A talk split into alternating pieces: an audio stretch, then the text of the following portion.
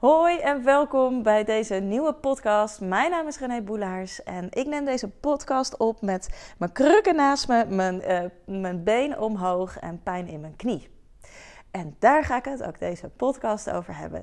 Niet over per se over mijn knie. Ik zal zo even kort vertellen wat er gebeurd is. Maar vooral wat het allemaal teweeg brengt.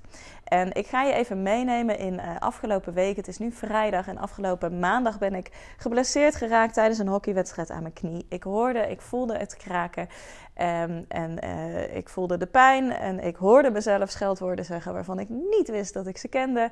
En um, ik wist eigenlijk meteen, dit is niet oké. Wat er precies is, ga ik nog horen. Het kan ook echt nog steeds allemaal meevallen. Um, uh, maar op dit moment is hij vooral heel dik en heel pijnlijk. En uh, zegt de fysio, loop jij voorlopig maar even op krukken. En als de zwelling minder is, dan gaan we, gaan we verder kijken, verder onderzoeken.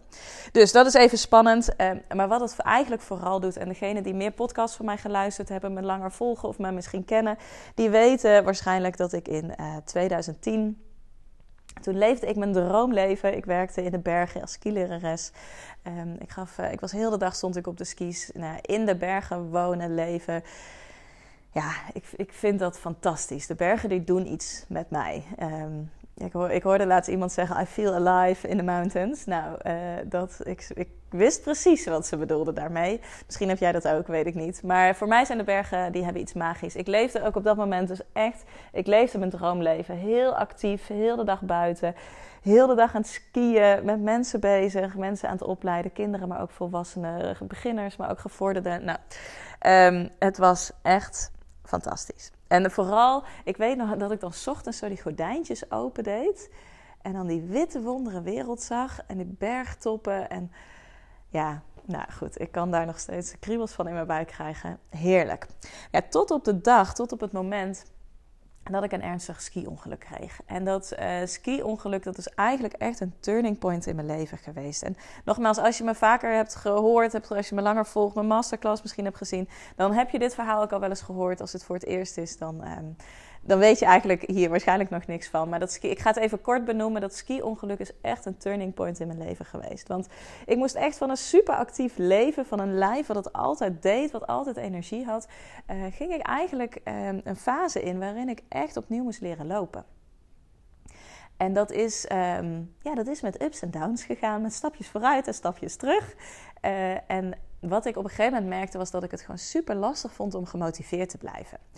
Uh, en iedereen die in een revalidatietraject heeft gezeten, die kent dat waarschijnlijk ook wel. Dat je in het begin denk je echt, yes, en ik, ik, ga, ik ga je sterker uitkomen dan ooit. En ik laat me niet kisten, enzovoort, enzovoort. En dan op een gegeven moment gaat het leventje eigenlijk gewoon weer door. Heb je vooral veel pijn, is de vooruitgang niet echt zichtbaar. Um, dan denk je echt, ah, kak, waar doe ik het allemaal voor? Nou, dus de motivatie is soms gewoon ver te zoeken.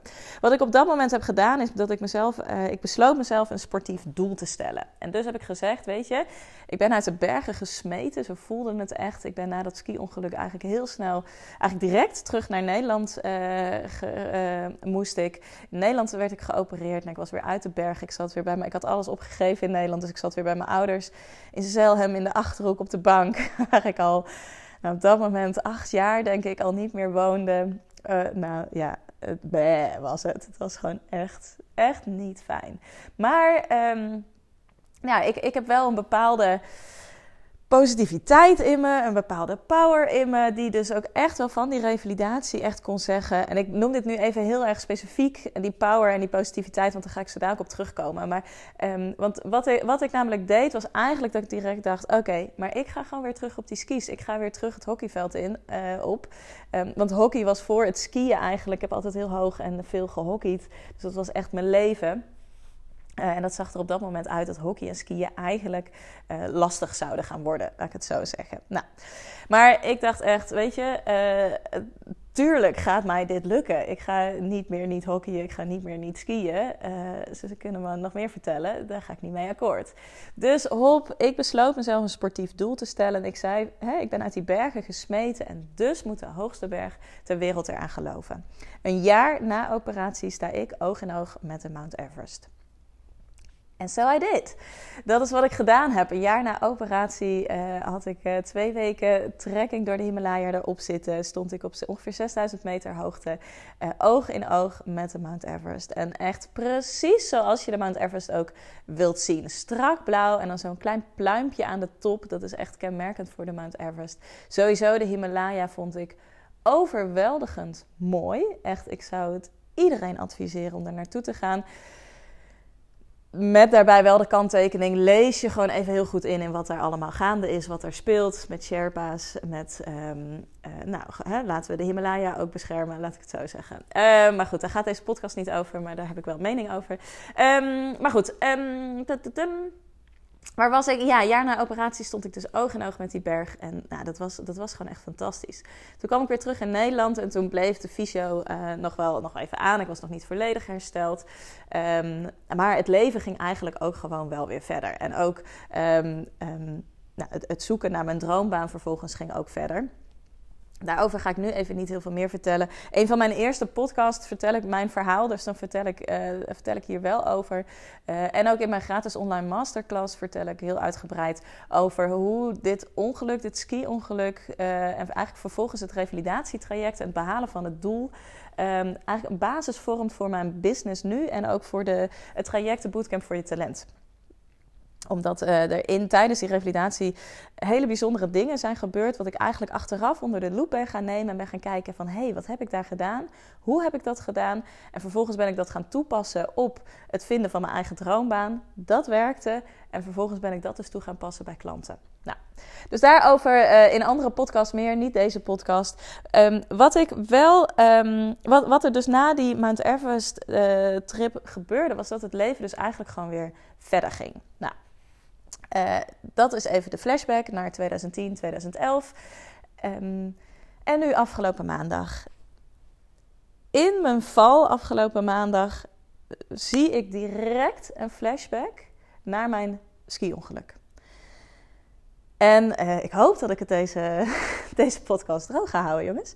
Uh, ik, ik zag direct een flashback terug naar mijn ski-ongeluk. En uh, de, de pijn was herkenbaar, het uh, gekraak voelde herkenbaar, de pijn achteraf, het gevoel, het, de pijn in mijn been, het misselijke gevoel, het enzovoort enzovoort. Boem, boem, boem. Ik ging heen en weer van nu naar, naar, naar destijds. Um, en dat is eigenlijk heel de week zo gebleven. En ik weet nu gewoon niet zo goed. Is het dus ongeveer hetzelfde aan de hand en is het dus gewoon uh, mega shit. Nou was er na het ski-ongeluk ook nog wel meer aan de hand dan alleen mijn knie. Maar um, uh, nu is het echt wel alleen mijn knie. Of is het die flashback die maakt dat ik denk dat het niet oké is. Weet ik niet. Weet ik niet wat dat is. Gaan we gewoon horen nog. En op dit moment heb ik gewoon goede hoop dat ik denk, volgens mij is het alleen die flashback. En hij heeft mijn knie een mega klap gehad. Want hij is ook echt nog steeds gigadik. En hij doet gewoon uh, nog heel veel pijn. Um, maar misschien is het gewoon oké. Dit werd ook wel een beetje bevestigd door mijn fysio. Die zei, ja, weet je, het kan nog van alles zijn. Je kruisband blijft er nog in te zitten. Dat is uh, vast te zitten. Dat is echt supergoed nieuws. Want die is destijds gereconstrueerd. Um, hij zegt, er, je meniscus kan iets mee zijn. Je er kan iets met kraakbeen zijn. Maar het kan ook zijn dat hij even flink buiten zijn, eh, zijn, zijn spoor is gegaan. Wat nu gewoon deze reactie geeft, maar dat er niet iets kapot is. Nou, en voor die uitkomst, daar ga ik voor. Maar goed, heel de week dus al flashbacks. En wat ik eigenlijk al heel snel merkte, um, was dat, ik, uh, dat er ook heel veel emotie uh, loskomt. Al heel de week. En um, maandagavond was dat ook de schrik, de adrenaline, uh, gewoon het, het, balen. Dus logischerwijs kwam er toen natuurlijk emotie terug, uh, naar boven. Um, maar dat bleef eigenlijk doorgaan. En ook die flashbacks. Um, het is helemaal niet dat ik me echt nog van alles precies weet. Van nou, ondertussen twaalf jaar geleden wat er gebeurd is. Maar afgelopen week heb ik me weer zoveel herinnerd. En dat vind ik zo bijster interessant. Dat ik dat ook echt eigenlijk een beetje vanuit een helikopterview mezelf aan het observeren ben. Van jeetje, wat gebeurt er nou allemaal met me? En soms ook echt een beetje in de war ben. Um, maar ook dat dus blijkbaar, en ergens weten we dat natuurlijk allemaal wel, hè, maar het feit dat ik het me niet meer zo bewust kan herinneren of kan terughalen, betekent dus niet dat ik het vergeten ben. Het zit dus nog ergens in een vakje opgeslagen in mijn brein. Wat er allemaal gebeurd is, hoe ik me gevoeld heb, wie erbij waren, wat er gezegd is, hoe het er rook. Nou, van alles is er teruggekomen. Ehm, ergens opgeslagen in een vakje in mijn brein, wat dus nu opengetrokken wordt. En dus, poef, bam, komt die energie ook los, die emotie. Die, ik heb heel erg het gevoel dat er dus op die knie nog echt een trauma zit. Of zat misschien wel. Dus echt nog opgeslagen energie van toen, wat ik toen denk ik weggeslikt heb. Met de kennis van nu. Als ik er nu naar kijk, hoe ik destijds dit aangegaan ben. Wat ik dus dan, hè, wat ik dan zie, wat ik eigenlijk gedaan heb, is dus direct gebruik gemaakt van mijn positieve brein. Hè, mijn vader zei altijd: Weet je, alles gebeurt met een reden. Dus als het shit is, ja, dan is het shit, maar dan zal het wel een reden hebben dat het gebeurt. En dat vind ik een heerlijke overtuiging om mee te nemen. Uh, en toch is hij af en toe ook niet helpend. Want als ik dus nu kijk naar dat ski-ongeluk, heeft het me natuurlijk super ver gebracht uiteindelijk. Het heeft me heel veel gebracht. Het heeft me in de Himalaya gebracht. Het heeft me oog in oog gebracht met de Mount Everest. Het heeft me een power gegeven dat ik echt denk: jeetje, wow, kan dat? Het heeft me uiteindelijk dus nu mijn business uh, gebracht. Het heeft al bij, uh, meer, nou ja, meer dan 100 uh, eh, bootcamps voor anderen gebracht met allemaal resultaten dat ik denk: jeetje bizar dat dit kan. Dus het heeft, nou, enzovoort, enzovoort, enzovoort. Het heeft me, het heeft me mijn relatie gebracht, overigens ook. Nou, zal ik niet, niet, niet al te veel over uitweiden, maar um, mijn, mijn Himalaya-foto en Ernst Himalaya-foto wat is ongeveer precies hetzelfde. Ernst is ook in Himalaya geweest, maar een jaar later. Um, en dat is de reden dat we met elkaar in contact zijn gekomen. Um, dus het heeft me kinderen gebracht. Het heeft me mijn droomman gebracht. Nou, enzovoort. Dus het heeft me superveel gebracht. Dus ik kan er heel positief naar kijken. Maar, maar, ik ben nooit echt verdrietig geweest. Ik ben nooit echt gigantisch boos geweest. Tuurlijk heb ik wel een traantje gelaten, maar wat ik dan vervolgens deed was hop, wegvegen. En maar weet je, het zal wel een reden hebben. Ik kom hier sterker uit. Ik laat me niet kisten. Moet je zien wat, waar ik nu sta. Moet je zien wat ik al kan. Het komt vast wel goed. Dat soort dingen. Ik ben niet in het ongemak gegaan van het verdriet dat het me deed. Heel mijn leven stond op zijn kop op dat moment. Ik leefde mijn droomleven. Ik had Nederland opgezegd, ik leefde in Oostenrijk op dat moment. En ik was op geen plek liever dan daar in die bergen. En vervolgens zat ik in de achterhoek een beetje terug naar buiten te staren op mijn bank. Nou moet ik erom lachen, maar dat is natuurlijk eigenlijk dus precies wat ik destijds ook deed. Moet je mij nou zien in deze situatie? Nou, wat gebeurt er dan? Wat gebeurt er dan? Dat gevoel, die frustratie, die boosheid, dat verdriet, dat is er natuurlijk wel geweest. Dat is er natuurlijk wel geweest. En, maar ik heb dat dus weggeslikt. Ik heb dat eigenlijk niet geprocessed, zoals ik het altijd noem. Ik heb dat niet laten stromen. emotie is energy in motion emoties willen, eh, ja, die, om die te processen, moeten die stromen, die moeten bewegen. Als jij het inslikt, dan duw je ze eigenlijk weg. Dan slaan ze zich op. En ik zie dat eigenlijk voor me. Kijk, dit is even gewoon hè, een heel duidelijk voorbeeld van: oh ja, dat, dat heb ik toen gedaan. Maar eigenlijk is dit wat we op heel veel momenten in ons leven doen. Net even die ene opmerking inslikken. Net even niet zeggen wat jij ervan vindt. Um, voor iemand zorgen, voor iemand klaarstaan, terwijl dat hij eigenlijk over je grens heen gaat en je het eigenlijk niet meer kan. Iedere keer dat jij je grenzen niet aangeeft, iedere keer dat jij niet uitkomt voor je mening, iedere keer dat jij niet gezien wordt of dat jij je niet gezien voelt, iedere keer dat jij boos om iets bent of gefrustreerd op iets bent of enzovoort enzovoort. Al die kleine dingen heel ons leven lang, mm, die slikken we in ik zie het dan ook voor me. Ik ben altijd wel heel beeldend, dus ik zie het voor me ook dat we dus eigenlijk allemaal een soort van energieballetjes in ons hebben. Van vroeger uit al meegekregen. En die energieballetjes, die, um, die komen soms tot ontploffing. En die komen tot ontploffing op het moment dat jij getriggerd wordt. En jij wordt getriggerd op op jouw manier. Dat is voor iedereen anders. Dat is voor iedereen anders. Nou, even mijn eigen voorbeeld hier dus even in. Wat gebeurt er deze week? Ik word natuurlijk giga getriggerd in mijn niet verwerkte stuk van 2010. Dus al die energieballetjes van 2010, die worden allemaal lek geprikt. En dat is wat ik afgelopen week voelde.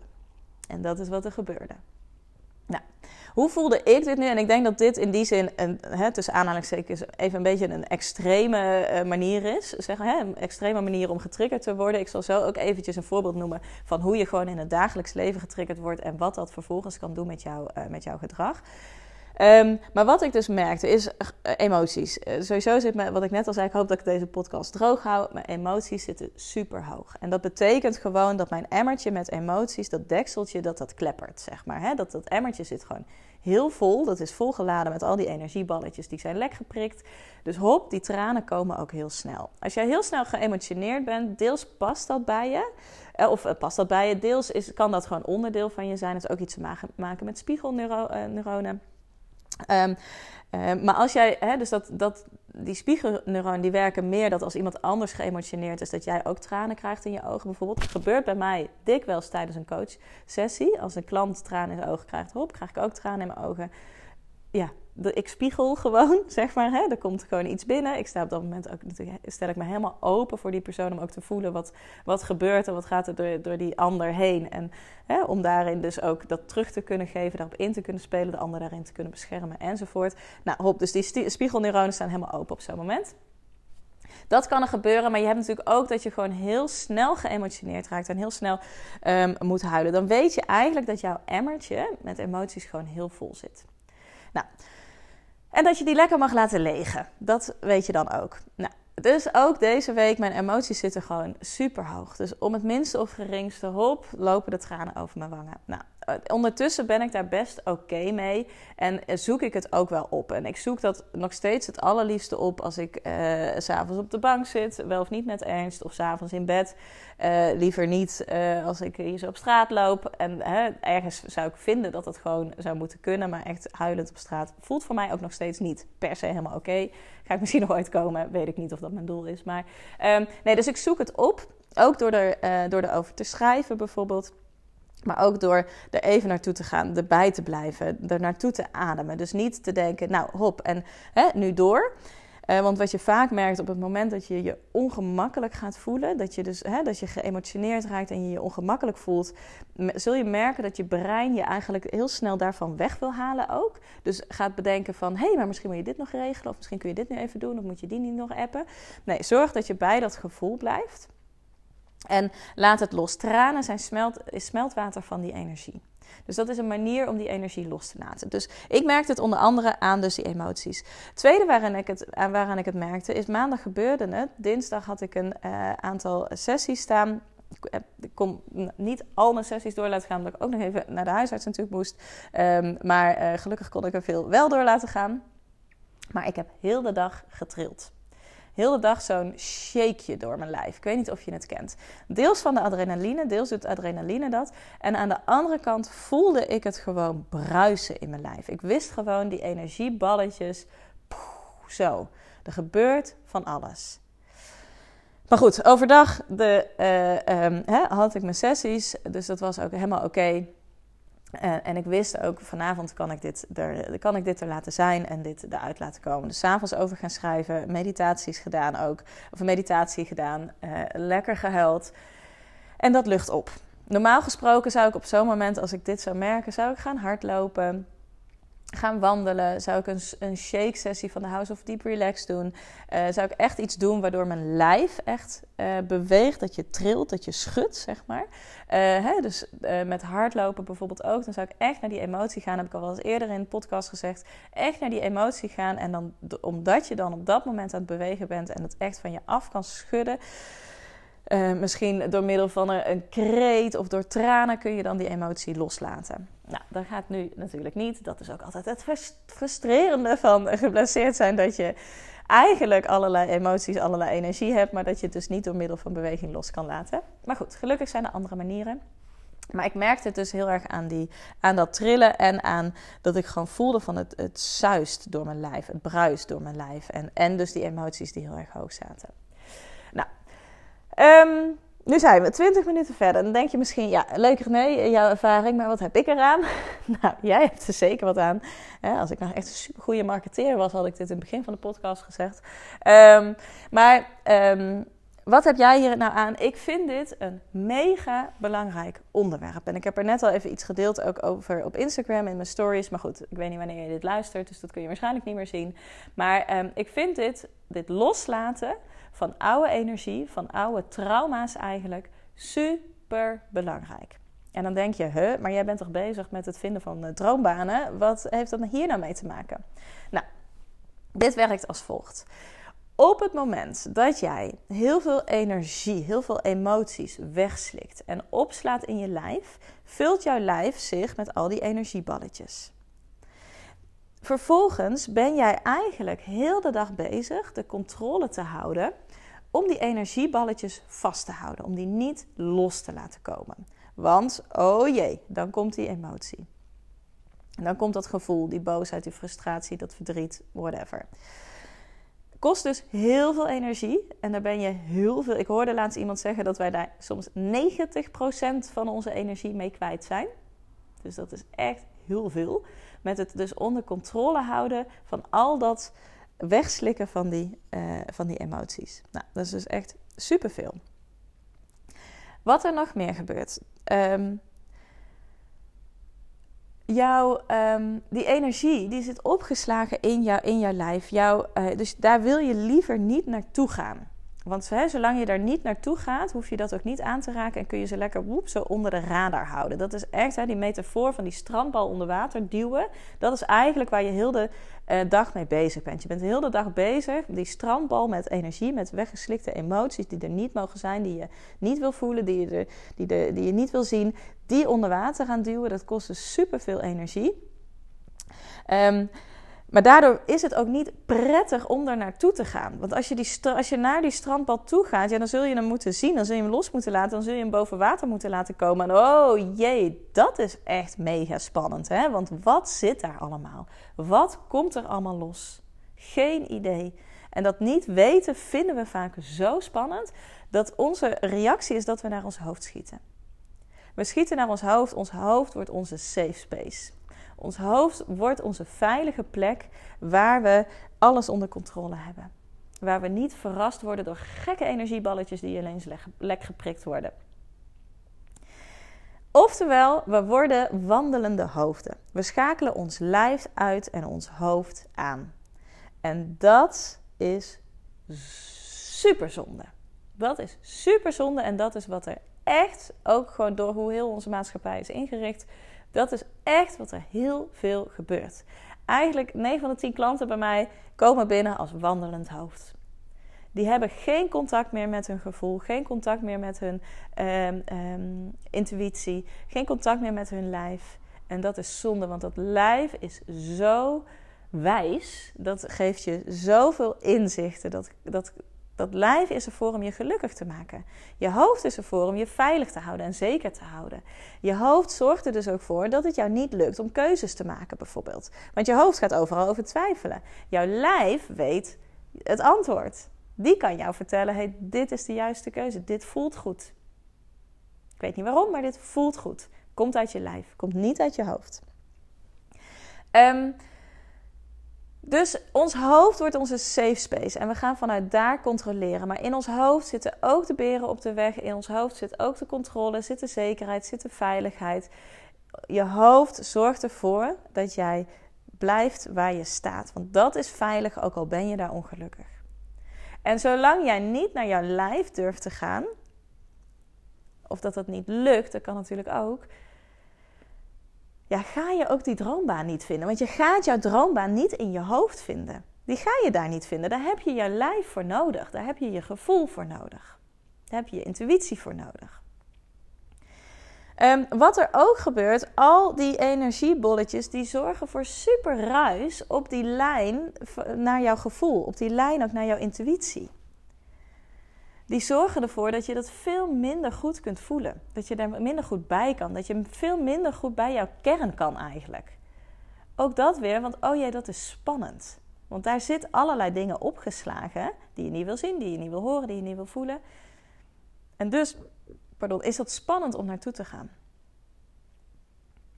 En daarom is het zo belangrijk, en ben ik dus ook, en dat is misschien ook wel weer mijn positieve inslag hierin, maar ook wel klein beetje stiekem, beetje dankbaar voordat het gebeurd is.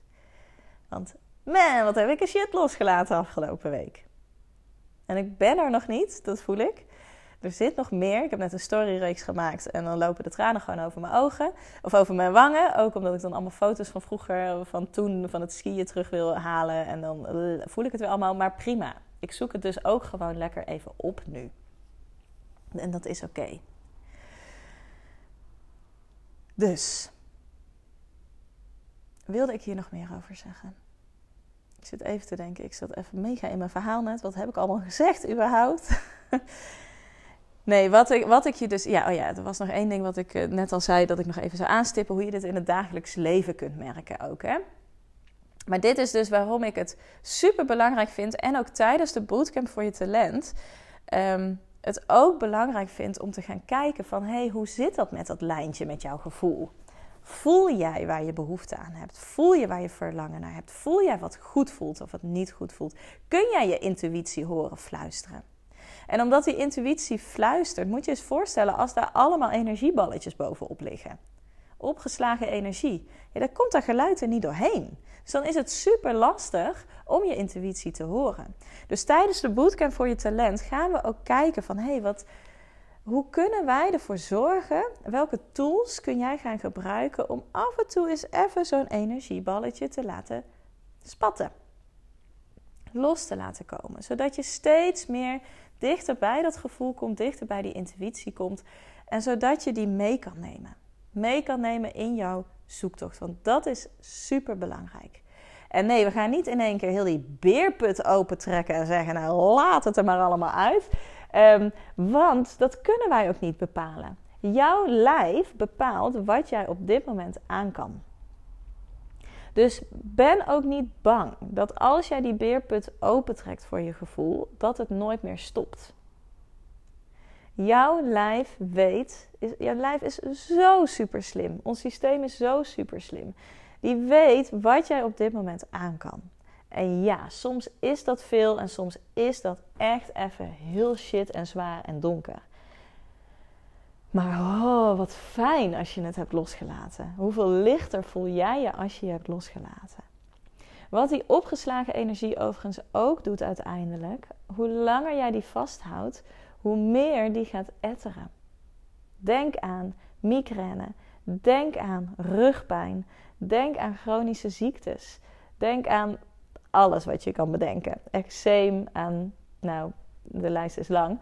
Um, opgeslagen energie, die, komt er op een, die gaat etteren en die komt er op een gegeven moment op die manier uit.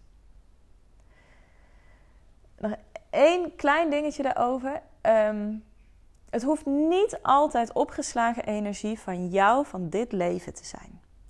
Dit kan ook iets zijn wat jij hebt meegekregen uit eerdere generaties.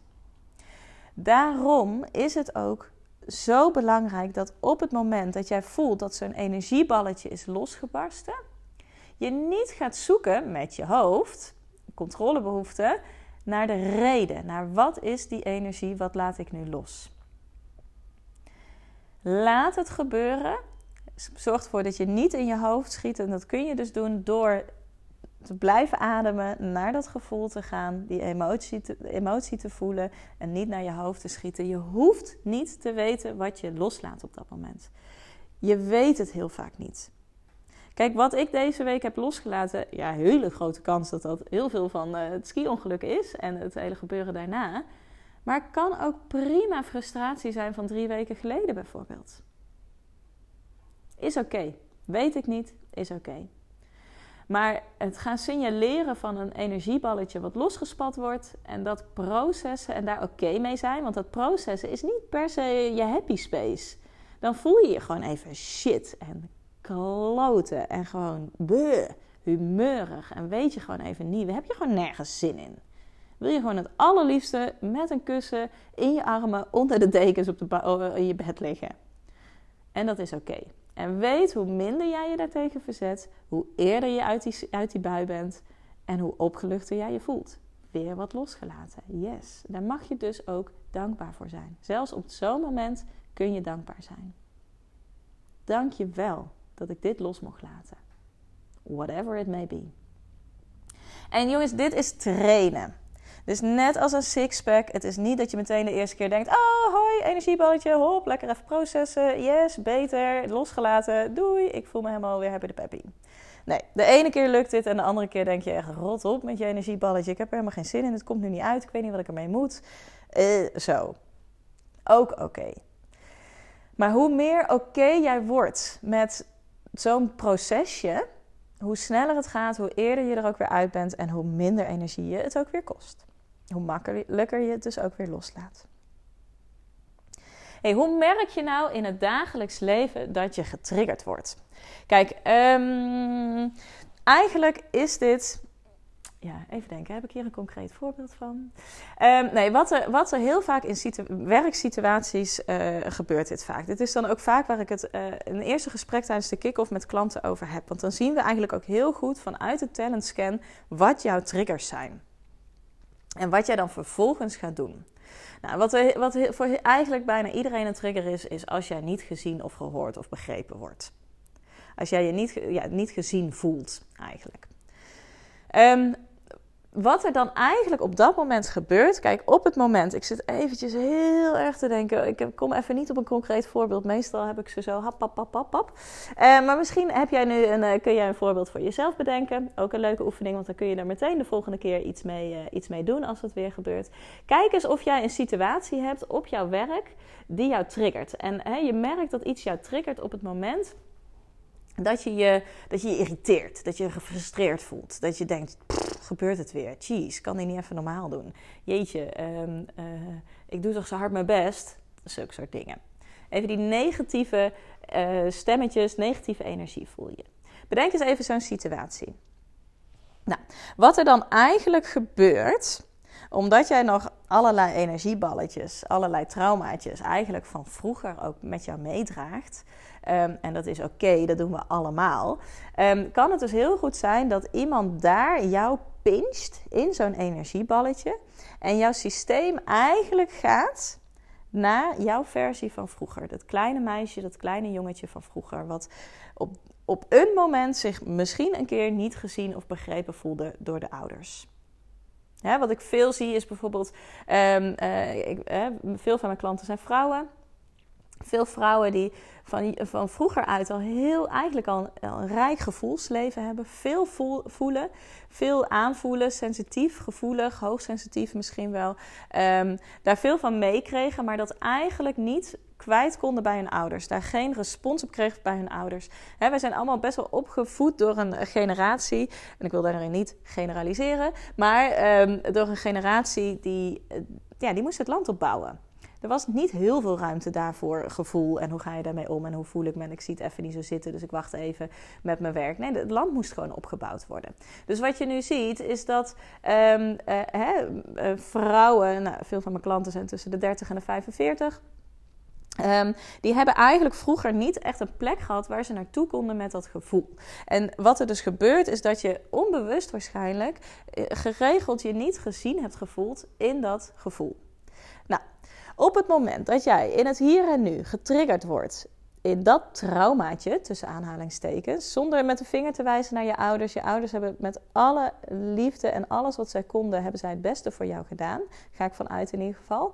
Um, dus zonder de vinger te wijzen, maar soms is het wel fijn om te weten van, oh ja, hé, hey, zo kan dat ontstaan zijn. Nou, op het moment dat jij in het hier en nu getriggerd wordt, in dat gevoel ga jij eigen, schiet jouw systeem, maakt een tijdsreis, schiet terug naar dat kleine meisje van toen. Reageert, en dit is echt gewoon wetenschappelijk onderzocht, jouw hele systeem reageert. Zoals dat kleine meisje van toen, inclusief zweetoksels, eh, dezelfde hartslag enzovoort enzovoort. En jij krijgt eigenlijk in het hier en nu die emotie van toen terug. En voelt je dus niet gezien, je voelt je shit, je voelt je boos, blablabla. En vanuit die emotie van dat kleine meisje ga jij reageren op de situatie nu. De manier hoe je dan reageert is eigenlijk altijd vanuit jouw aangeleerde beschermingsstrategieën. Die kosten jou superveel energie, je voelt je er nog minder door gezien en dus kom je in een neerwaartse spiraal. En dit is wat er bij heel veel mensen gebeurt die niet lekker op hun werk zitten. Uiteindelijk, als dat door blijft gaan, door blijft gaan, door blijft gaan, jij verliest energie, verliest energie, verliest energie, voelt je onzeker, daar wordt niet gezien, bub, bub, bub, bub, voelt je niet meer jezelf.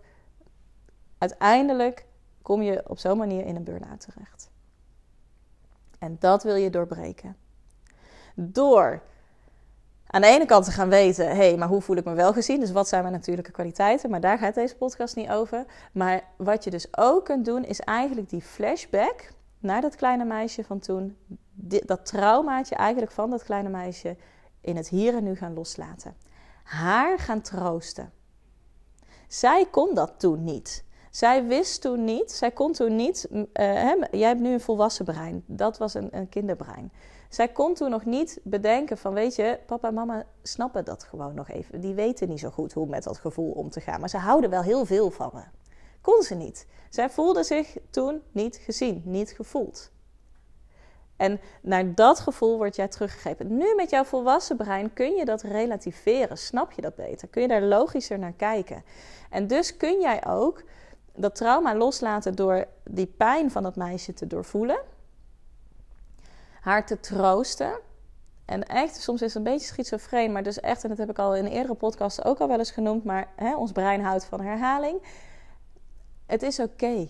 Ze houden van je, je bent veilig, je bent geliefd, je bent genoeg. Soms helpt het heel erg om dat hè, met een foto van, een klein, van jou als klein meisje of jongetje erbij te doen. Een kussen vast te pakken die je kunt troosten eigenlijk. Vind daar je manier in. Maar dus even terug daar naartoe maakt dat je dat, die energie loslaat. En jij in het hier en nu minder getriggerd wordt. Waardoor je veel dichter bij jezelf kunt blijven. Je je veel krachtiger voelt. Nou, enzovoort, enzovoort, enzovoort. Oké, ik kan hier in principe uren, weken, jaren over praten. Ik vind dit mega interessant. Ik vind dit super belangrijk. En ik hoop ook echt dat ik dat in deze podcast ook weer over heb kunnen brengen. Ik hoop dat je het, uh, het besef, of nou ja, het belang daarvan ook echt inziet. En ik hoop ook dat je beseft en, en snapt dat het niet per se makkelijk is. En als jij dit lastig vindt, als je het spannend vindt om daar naartoe te gaan, zoek er dan alsjeblieft hulp bij. Steek niet je kop in het zand. Denk niet, dit geldt niet voor mij, want dit geldt voor iedereen. Echt voor iedereen. En dit is dus um, ook echt iets. Hè, tijdens de bootcamp voor je talent gaan we op zoek naar je droombaan. Maar dit soort dingen zijn daarvoor nodig. En dit is ook dat ik altijd zeg: je droombaan vinden is geen quick fix. We zullen dat weggetje naar dat gevoel, naar die intuïtie open moeten maken. En daardoor komen we dit soort dingen tegen. En dat is oké. Dat is oké. Ik ben daar om jou daarin te coachen. Jouw systeem is er om alleen maar los te laten wat jij op dat moment aan kan. Dat is oké. En de kan, de, de, het moment dat je dat hebt gedaan, het moment dat je dit gaat leren, eigenlijk deze vaardigheid, ja, die neem je de rest van je leven mee. Die droombaan vinden, jongens, dat is leuk en dat gun ik iedereen. En dit soort vaardigheden, dat je die erbij krijgt bij het ontdekken van die droombaan, ja, dat maakt dat de waarde van de bootcamp voor je talent echt ja, levenslang is. En dat is niet per se omdat, ja, ik vind dat zelf ook, maar dat is ook echt wat ik terugkrijg van mijn klanten. Een klant is een loopbaantraject plus. Je vindt je droombaan en dat is super fijn en super leuk en dat gun ik echt iedereen. Maar wat gebeurt er als jij over eh, zeven jaar denkt: hé, hey, ik ben eigenlijk wel toe aan iets anders of een volgende stap? En het dan weer niet weet hoe je het aan moet pakken. Ja, dat is zonde. En daarom vind ik het super belangrijk om je die tools bij te brengen. Om te gaan leren hoe werk jij, hoe ga je met jezelf om, hoe ga je om met, met je emoties, met je gevoelens, met, je, hè, met wat je gevoel zegt, met je onderbuikgevoel, met je intuïtie. Hoe ga je om met dat brein, met je mind? Hoe stuur jij jezelf aan? Want daar heb je iets aan op het gebied van je droombaan, maar ook op alle andere vlakken in je leven. Dus. Denk je nu, René, super spannend dit. Ik weet niet of me dat in mijn eentje lukt. Of weet je gewoon, dit lukt me niet in mijn eentje. Laat het me dan gewoon eens even weten. Deel via Instagram, via de DM. Eh, deel met mij uh, hoe het met je gaat, waar je staat, uh, waar je tegenaan loopt. En laat me met je meedenken. Want dat doe ik echt super, super graag. Um, ik ga met mijn krukjes naar het toilet. Want daar moet ik super nodig. Eigenlijk al bijna heel de podcast. Ehm, dus dat ga ik doen. Maar ja, dat gaat nou eenmaal niet zo snel. Nee, ik wens jou een hele fijne dag. Uh, ik strompel lekker verder. En ik, uh, ik ga ook verder met het processen van mijn deel. Van wat hier uh, loskomt. Um, en ja, ik hoop dat je er iets aan hebt. Ik hoop dat het delen hiervan... Um, nou, zorgt voor herkenning en ook zorgt dat jij dingen mag loslaten. Want dat, um, dat gun ik je. Hey, voor nu, hele fijne dag. Doeg!